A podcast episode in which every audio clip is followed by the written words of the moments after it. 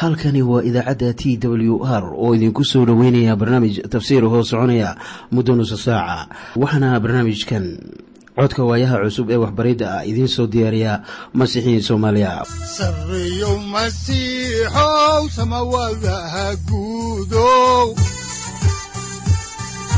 Siraadkii adduunkow subanaha eebow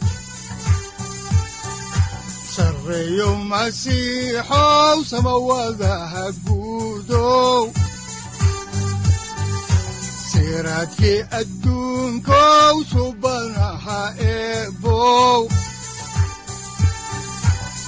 adigoo samada jiro ifkaan soo saldhiganba adigoo soo saldhiganba kutubtiisanaye udanogu saaciiday sharxin sifahaaga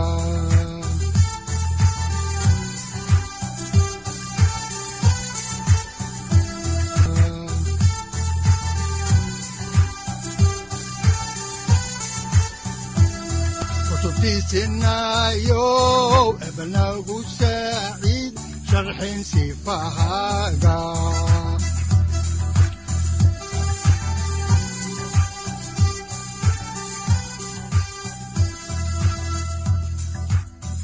satirow ilaahow adanku ilaahow ku soo dhowaada dhegaystayaal barnaamijkeenna dhammaantiinba. Waxaannu horay u sii ambaqaadi doonnaa daraasaadkii aynu ka soo xiganaynay kitaabka bilowgii ee loogu magacdaray baibalka dhammaantii. Waxaannu caawa idiin sii wadi doonnaa cutubka sagaal iyo afartanaad ee kitaabka bilowgii. Weli cutubkanu wuxuu quseeyaa reerkii yacquub iyadoo weli ay qisadu ay qusaynayso yuusuf iyo yacquub. Haddaba mawduucyada cutubkani uu ka kooban yahay waxa ay kala yihiin. Kow dardaarankii ducada iyo waxyiga ahaa ee yacquub. Labo yacquub oo mid mid u eegaya faraca iyo nolosha dambe ee wiilashiisa balse intaa aynaan idiin bilaabin kitaabka aynu wada dhegaysanno qhasiidadan soo socota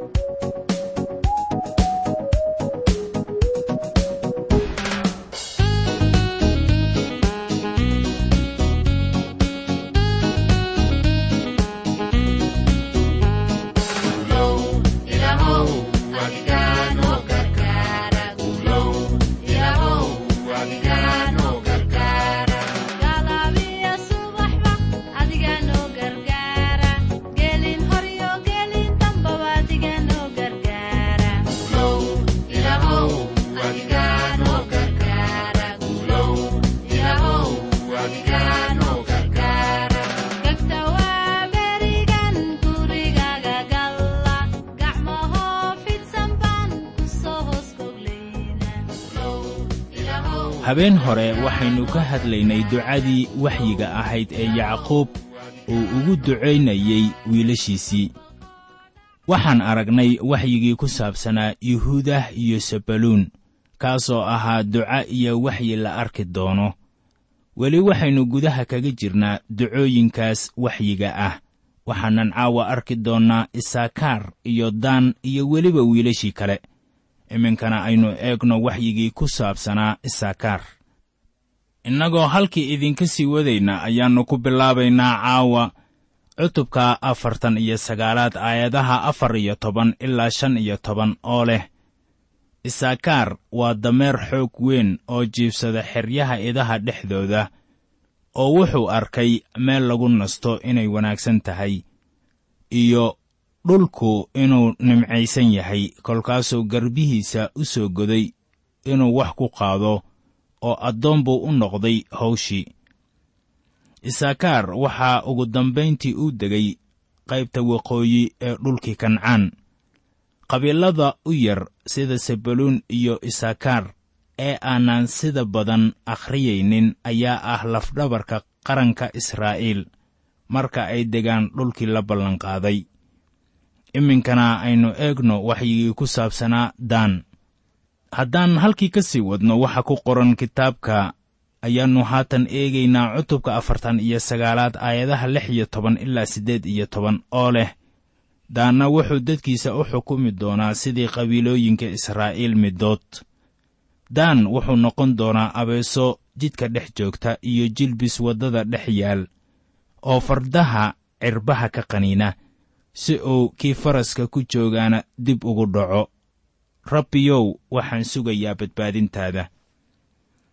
Daan wuxuu sugayaa oo u baahanayaa badbaadinta rabbiga waayo daan wuxuu ka mid yahay qabiilada fallaagoobaya waxaynu taas arkaynaa haddaan horay u sii wadno daraasaadkeenna qorninka iminkana aynu eegno waxyigii ku saabsanaa gaad haddaan si ambaqaadno xigashada kitaabka ayaa waxaa ku qoran cutubka afartan iyo sagaalaad aayadda sagaal iyo tobanaad sida tan.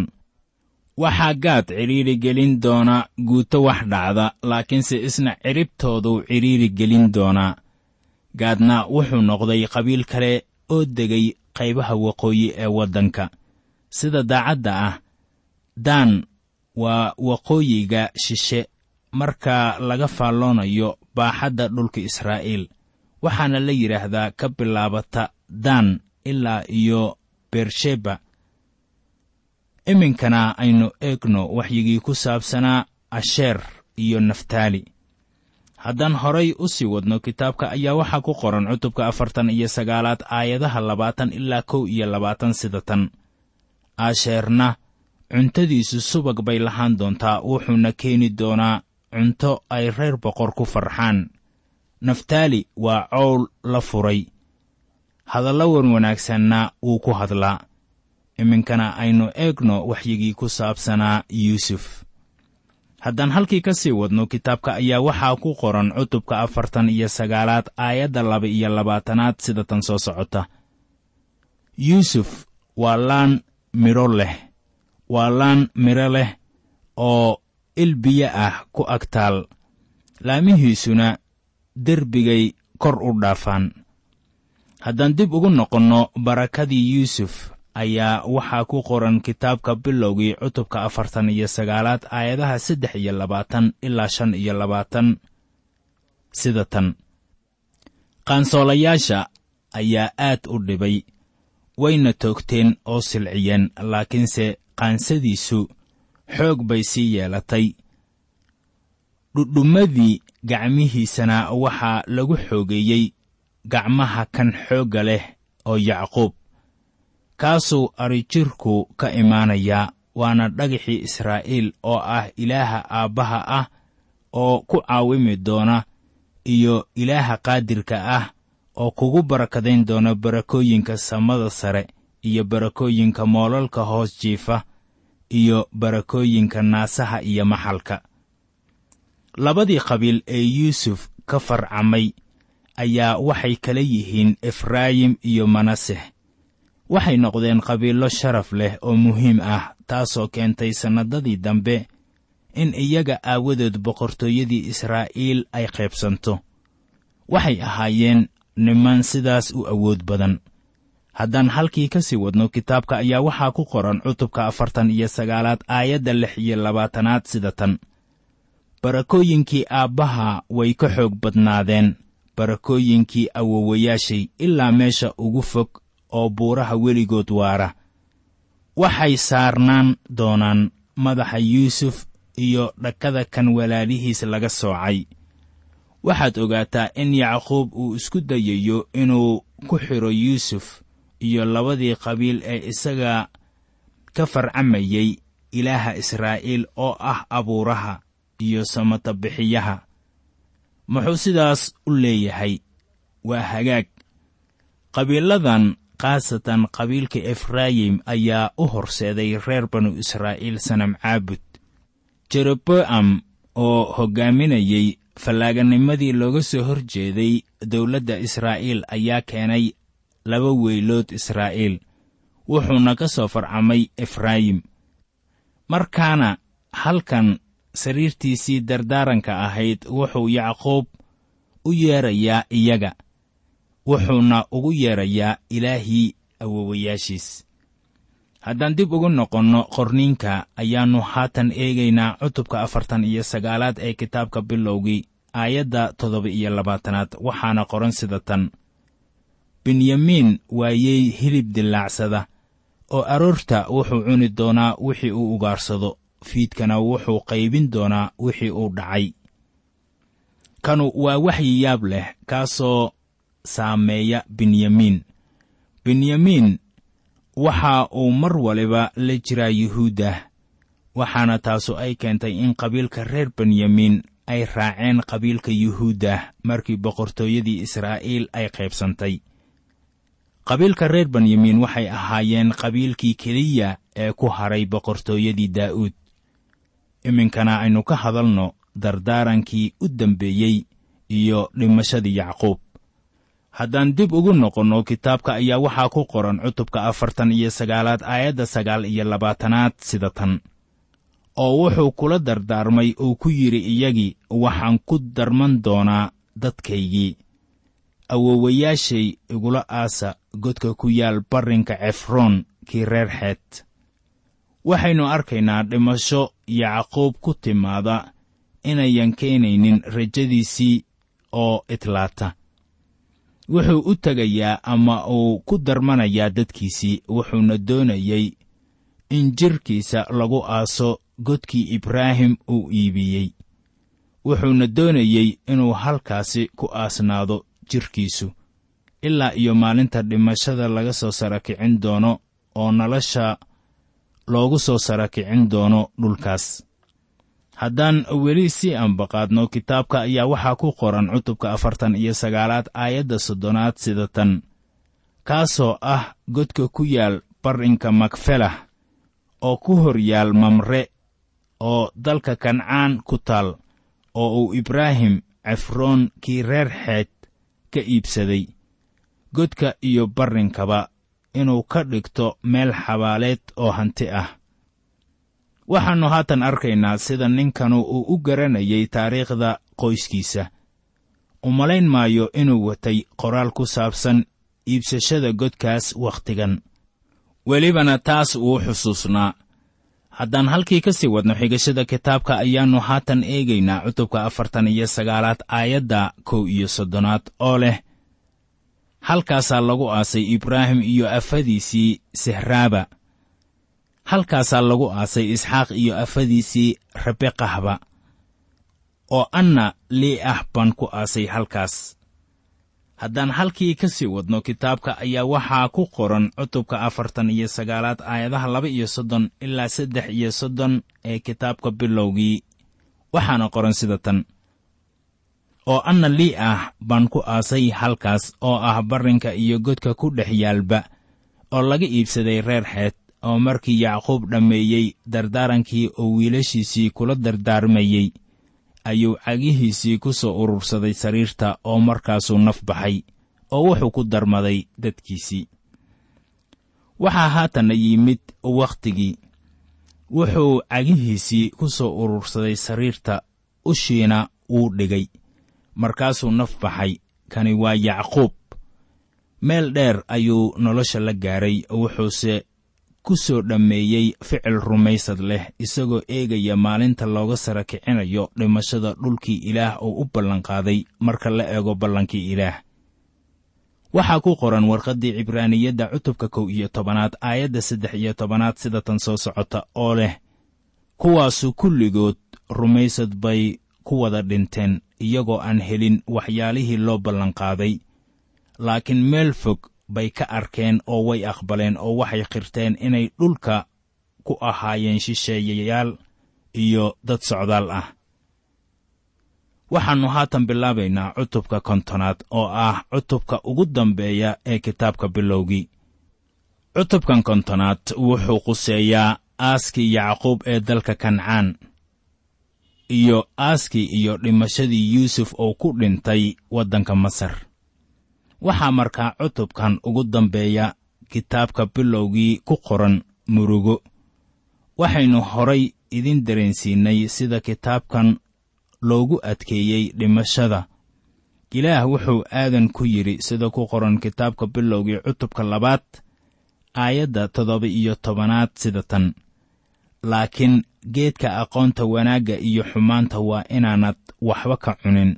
Waayo maalintii aad wax ka cuntid hubaal waad dhiman doontaa. Rasuul bawlosna wuxuu ku qoray warqaddiisii rooma cutubka shanaad aayadda laba iyo tobanaad sida tan. Haddaba sida dembigu nin keliya dunida ugu soo galay dhimashaduna dembiga ugu timid. Sidaasaa dhimashadiina u gaadhay dadka oo dhan waayo waa la wada dembaabay haatanna aynu eegno maaddada ah aaskii yacquub oo ka dhacay dalkii kancaan. Haddaan idiin bilowno cutubkan kontonaad ee kitaabka bilowgii ayaa waxaa ku qoran aayaddiisa koowaad sida tan. Markaasaa yuusuf ku dhacay wejigii aabbihiis wuuna ooyey oo dhunkaday caadiyan yuusuf waa murugooday wuxuuna jeclaa aabbihiis haddaan halkii ka sii wadno kitaabka ayaa waxaa ku qoran. Cutubka kontonaad aayadda labaad sida tan. Kolkaasaa yuusuf wuxuu addoommadiisii dhakhtarrada ahaa ku amray inay aabbihiis meydkiisa dawo mariyaan. Markaasay dhakhtarradii israa'iil dawo mariyeen. Waxaynu garanaynaa in masaaridu qubarro ay ku ahaayeen waxyaabaha la mariyo dadka dhinta waxaynu maqalnaa jirkii dhintay ee fircoon oo weli sidiisii ah. Waxay garanayeen hab ay jidhka dhinta ku meeleeyaan. Habkaasoo aynan innagu weli garanaynin maanta. Markaana yuusuf wuxuu u yeedhay dhakhtarradiisii si ay jidhka israa'iil dawo u mariyaan. Ku qosli mayno yacquub laakiin waxaan la amakaagayaa sida jidhkii yacquub oo dawo la mariyey uu u ekaanayo. Waxaan kaloo rumaysanahay in jidhkii yacquub uu yaallo magaalada xebroon maanta. Haddaan u soo noqonno kitaabka ayaa waxaa ku qoran kitaabka bilowgii cutubka kontonaad aayadda saddexaad sida tan oo waxaa u dhammaaday afartan maalmood. Waayo sidaasay maalmaha dawamarintu ugu dhammaan jireen masriyiintiina waxay isaga u ooyayeen toddobaatan maalmood. Waxay qubarradii reer masar ku qaadatay afartan maalmood inay daawo ku mariyaan jidhkii yacquub. Sida muuqata habab badan baa loo doonayey in loo mariyo daawada jidhkii israa'iil. Waxaanan garanaynaa in masaaridu ay isaga u ooyayeen ilama ahan in tanu ay tahay baroordiiq la mid ah kan baryaha kan aynu aragno ee calamada hoos loo dhigo iyadoo laga tiiraanyaysan yahay nin madax ah oo dawlad kale ka tirsan. Haddaan sii wadno kitaabka ayaa waxaa ku qoran cutubka kontonaad aayadaha afar ilaa toddoba sida tan oo markii maalmihii loo ooyayey isaga ay dhammaadeen ayaa yuusuf uu la hadlay reerkii fircoon oo wuxuu ku yidhi waan idiin baryayaaye haddaad haatan raalli iga tihiin fircoon iila hadla oo waxaad ku tidhaahdaan aabbahay baa i dhaariyey oo wuxuu igu yidhi bal eeg waan dhimanayaa ee waxaad igu aastaa qabrigaygii aan ka qotay dalka kancaan. Haddaba waan ku baryayaaye ii fasax inaan tago oo aan aabbahay soo aaso oo haddana waan soo noqon doonaa. Markaasaa fircoon uu ku yidhi tag oo aabbahaa u soo aas siduu kugu dhaariyey. Markaasaa yuusuf tegay inuu aabbihii soo aaso oo waxaana isagii raacay addoommadii fircoon oo dhan iyo odayaashii reerkiisa iyo odayaashii dalka masar oo dhan. Waxaad haatan arkaysaa in ninkan aad loo xushmaynayey loona jeclaa laguna sharfay dhulkii masar. Aaskanina wuxuu sida abbaarta ah ahaa kii ugu dheeraa ee loo lugeeyo qabriga ee dunidu aragto. Waxaa laga qaaday masar oo la geeyey xebroontii dhulkii kancaan. Haddaan ku soo noqonno xigashada kitaabka ayaa waxaa ku qoran cutubka kontonaad aayadda siddeedaad sida tan iyo reerkii yuusuf oo dhan iyo walaalihiis iyo reerkii aabbihiis waxaa keliyahoo ay dalkii gooshan kaga tageen dhallaankoodii iyo arigoodii iyo lo'doodii. Waxaa dadka qaarkii ay is odhan karaan fircoon baa dalbaday inay ka tagaan carruurta iyo xoolahaba si uu u hubiyo inay soo noqonayaan fircoon dooni maynin inuu yuusuf ka tago. Waayo weli waa u baahnaa yuusuf. Haddaan halkii ka sii wadno kitaabka ayaa waxaa ku qoran cutubka kontonaad aayadaha sagaal ilaa saddex iyo toban sida tan. Waxaana isagii raacay gaari fardoodyo iyo fardooleyba oo waxay ahaayeen guuto aad u weyn. Markaasay waxay yimaadeen goobtii haruurka lagu tumi jiray oo aataad oo webi urdun ka shishaysay oo halkaasay ku baroorteen baroor aad u weyn oo daran oo aabbihiisu buu toddoba maalmood oo loo baroortay u dhigay. Oo markii dadkii reer kancaan oo dalka degganaa ay arkeen baroortii ka dhacday goobtii aataad ayay waxay yidhaahdeen tanu waa baroor ku xun masriyiinta oo sidaas daraaddeed waxaa magaceedii loo bixiyey aabeel masriyiin oo waxay ka shishaysaa webi urdun. Wiilashiisiina way u yeeleen wixii uu kula dardaarmay iyaga maxaa yeelay wiilashii waxay isagii u qaadeen dalkii kancaan oo waxay ku aaseen godkii ku dhex yiilay barrinkii megfalax oo ibraahim uu u iibsaday isaga iyo barrinkaba inuu ka dhigto meel xabaaleed oo hanti ah. Wuxuuna ka iibsaday cefroon kii reer xeed oo wuxuu ku hor yaal mamre. Iminkana aynu ka hadalno maaddada ah yuusuf oo walaalihiis ka saaray cabsidii ay qabeen. Haddaan horay u sii ambaqaadno xigashada kitaabka ayaa waxaa ku qoran cutubka kontonaad aayadaha afar iyo toban ilaa toddoba iyo toban sida tan yuusufna markuu aabbihiis aasay kadib wuxuu ku noqday masar. Isagii iyo walaalihiis iyo kulli intii isaga u raacday oo dhan inay aabbihiis la soo aasaan. Oo markay yuusuf walaalihiis arkeen in aabbahood dhintay ayay isku yidhaahdeen mindhaa yuusuf waa ina nabcaan doonaa oo wuu inaga aarsan doonaa xumaantii aynu ku samaynay oo dhan. Oo markaasay farriin u fareen yuusuf oo waxay ku yidhaahdeen aabbaha intuusan dhiman ayuu dardaarmay oo wuxuu yidhi waxaad yuusuf ku tidhaahdaan haatan waan ku baryayaaye cafi walaalaha xadgudubkooda iyo dembigooda. Maxaa yeelay iyagu xumaan bay kugu sameeyeen. Haddaba waannu ku baryaynaaye annagoo ah addoommada ilaaha aabbaha naga cafi xadgudubkayaga yuusufna wuu ooyey markay la hadleen. Yacquub way u xaqiiqsaneed inaannu yuusuf eedayn doonin amase uusan doonaynin inuu ka aargoosto walaalihiis. Markii walaaluhu ay qirashadan ula yimaadeen yuusuf yuusuf wuu ooyey uu ka calool xumaaday arrinkaas. Haatan waxay ka toobadkeenayaan dembiyadoodii. Haddaan si ambaqaadno kitaabka waxaa ku qoran cutubka kontonaad aayadda siddeed iyo tobanaad sida tan walaalihiisna way u dhowaadeen ay ku hor dhaceen oo waxay yidhaahdeen bal eeg waxaannu nahay addoommadaada. Soo arki maysid in waxyigii ahaa inay ku hor sujuudi doonaan oo si isdabajoog ah u kaamilmayey haddaan halkii ka sii wadno ayaa waxaa ku qoran kitaabka cutubka kontonaad aayadda sagaal iyo tobanaad sida tan. Markaasaa yuusuf wuxuu iyagii ku yidhi ha cabsanina waayo ma anaa ilaah meeshiisii jooga. Yuusuf ilaah buu mar waliba wax kasta ku ammaanayey. Waxaa haatan soo socda qidco cajiib ah oo ku qoran qorniinka aynu eegno cutubka kontonaad aayadda labaatanaad waxaana qoran sida tan.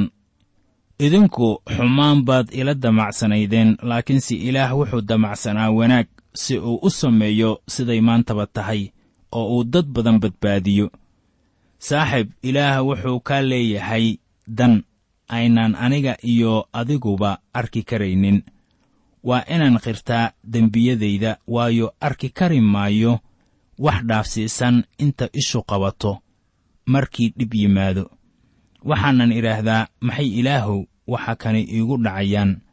Waxaynu u baahan nahay inaan xusuusnaanno in ilaah uu inaga leeyahay dan wanaagsan oo isaga keligii uu arkayo aynu eegno bilowgii cutubka kontonaad aayadaha kow iyo labaatan ilaa saddex iyo labaatan oo leh haddaba ha cabsanina anigu waan idin quudin doonaa idinka iyo dhallaankiinnaba. Wuuna qalbi qaboojiyey oo si raxmad leh ula hadlay oo yuusufna dalkii masar buu degganaa isaga iyo reerkii aabbihiisba.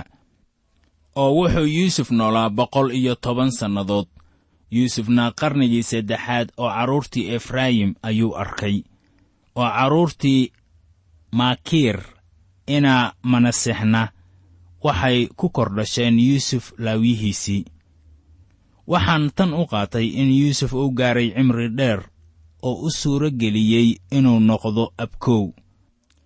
Haatanna aynu eegno maaddada ah aaskii yuusuf ee ka dhacay dalka masar haddaan dib ugu noqonno kitaabka ayaa waxaa ku qoran cutubka kontonaad aayadaha afar iyo labaatan ilaa lix iyo labaatan sida tan.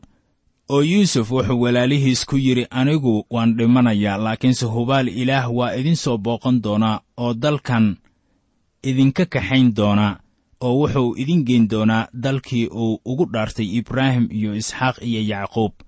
Yuusuf wuxuu dhaariyey reer banu israa'iil uu ku yidhi hubaal ilaah waa idin soo booqan doonaaye idinkuna waa inaad lafahayga halkan ka qaaddaan yuusufna wuxuu dhintay isagoo boqol iyo toban sannadood jira. Markaasaa inta dawo meydkiisii la mariyey waxaa lagu riday sanduuq yaalla dalka masar. Warqaddii cibraaniyadda ayaa sheegaysa intaasu ay tahay rumaysad ku korayey noloshii yuusuf.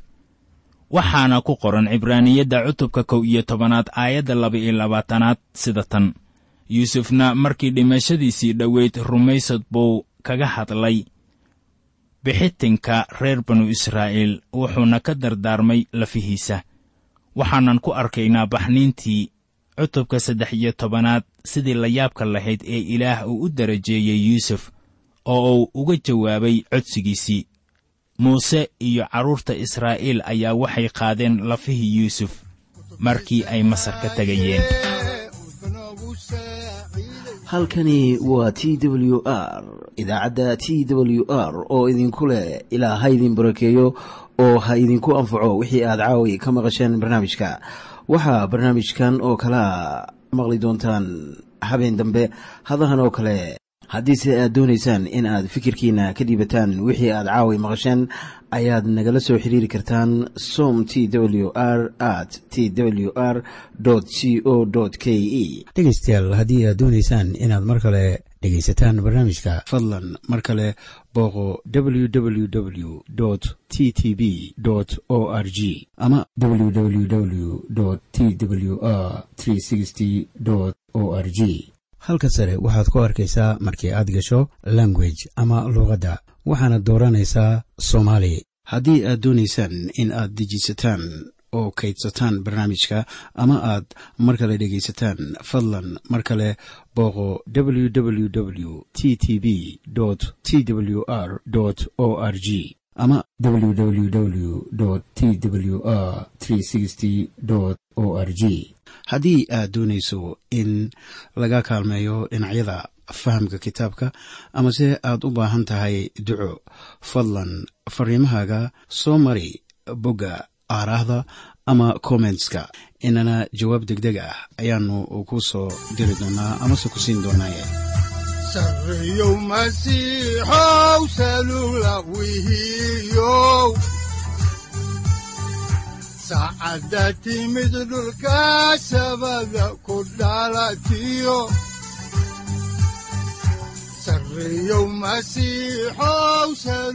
halkani waa t w r oo idiin rajaynaya habeen baraare iyo barwaaqaba leh inta aynu ka gaari doono wakhti aynu ku kulanno barnaamij la mida kan caawayay aad maqasheen waxa aan idinku leeyahay nabadda ciise masiix ha idinku badato xagga jidhka iyo ruuxaba aamiin